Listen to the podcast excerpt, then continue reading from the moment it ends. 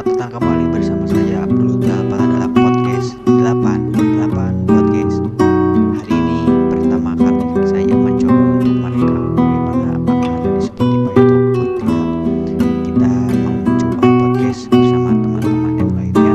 Jadi tetap stay tune terus dan tetap mendengarkan 8 podcast karena obrolan di sini sangat